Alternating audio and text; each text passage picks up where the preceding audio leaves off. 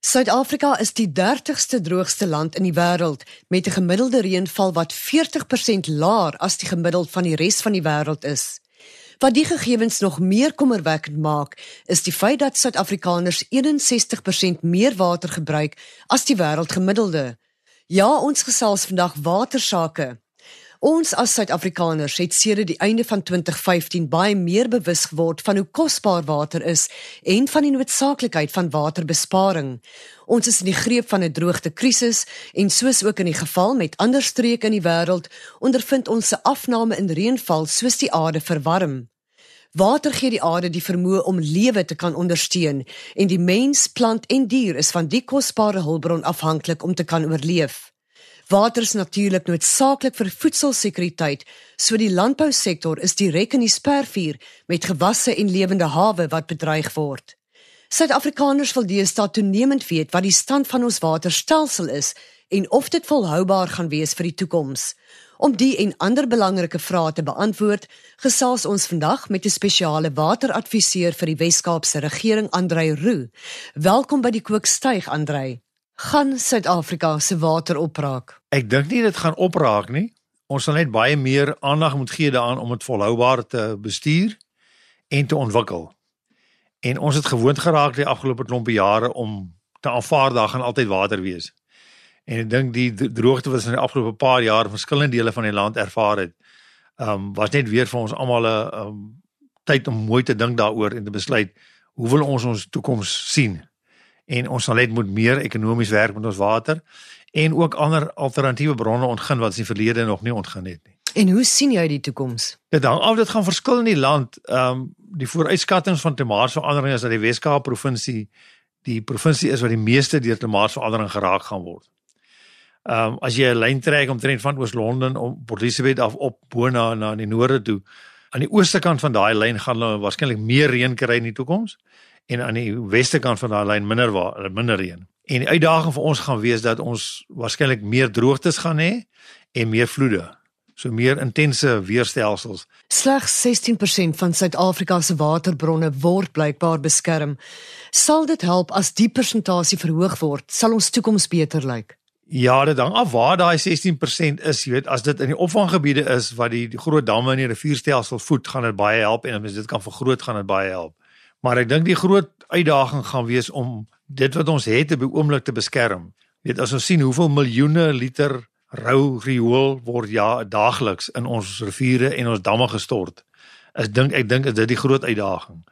On, ons besoedel die water so um, drasties, weet laat dit feitelik nie meer bruikbaar is nie of ten baie baie hoë koste gesuiwer moet word voor ons weer kan gebruik. So wat is die grootste prioriteit nou? Die grootste prioriteit is eerstens die instandhouding van ons infrastruktuur op nasionaal en op munisipale vlak sodat ons eerstens kan seker maak die water wat ons ontvang is van aanvaarbare kwaliteit maar dan net so belangrik die water wat weer teruggesit word die gesuiwerde rioolwater moet weer, weer aan die standaarde voldoen want onthou daai water gaan terug in die rivier en die dorp onder toe onttrek dit weer daar word bereken dat die ten tyd wat die water byvoorbeeld in die Vaalrivier onder by by die samevloeiing by Douglas uitkom is daai water al 7 keer gebruik. So die risiko vir siektes is baie groot. Dit raak net al hoe groter en dit raak ook net die koste al, al hoe duurder om die water te suiwer. En onthou daar's ook baie mense langs die rivier wat van die water afhanklik is en hulle het nie fasiliteite om die water skoon te maak nie. So hulle maak stare op dat die water in die rivier aanvaarbare kwaliteit gaan wees. Die departement van water en sanitasie beoog om die prys van water te hersien. Wat beteken dit gaan verbruikers se sakke raak? Glo jy dit sal bydra tot meer volhoubare gebruik van water. Ja, kyk op op die oomblik is is water is ons is, is eintlik die water is eintlik verniet. Waarvoor ons betaal is die koste om dit skoon te maak en om die water by ons in die huise te kry. Waterwese moet dan 'n heffing plaas op die bestuur en die bedryf van hulle stelsels. Die kapitaal wat wat gespandeer is om die infrastruktuur te skep moet natuurlik weer terugbetaal word. So van daar word dan ook 'n heffing geplaas op op die die koste van die water die probleem is um, as 'n mens die sogenaamde um user pay principle gebruik, kan dit die water eintlik onbekostigbaar duur maak. So die staat bly 'n verantwoordelikheid hê om die massa watervoorsiening of in Engels die bulk water supply om dit te voorsien teen 'n aanvaarbare koste. Andre het net gepraat van reënval. Suid-Afrika het blykbaar 'n gemiddelde reënval van minder as 500 mm terwyl die wêreld se 850 mm is. Desondanks kan daar glo vir tussen 37 en 42% van bruikbare drinkwater nie verantwoording gedoen word nie. Hoe is dit moontlik? Ja, dit is ongelukkig so, dit is net gelukkig aan die een kant is dit nie van toepassing op alle munisipaliteite nie.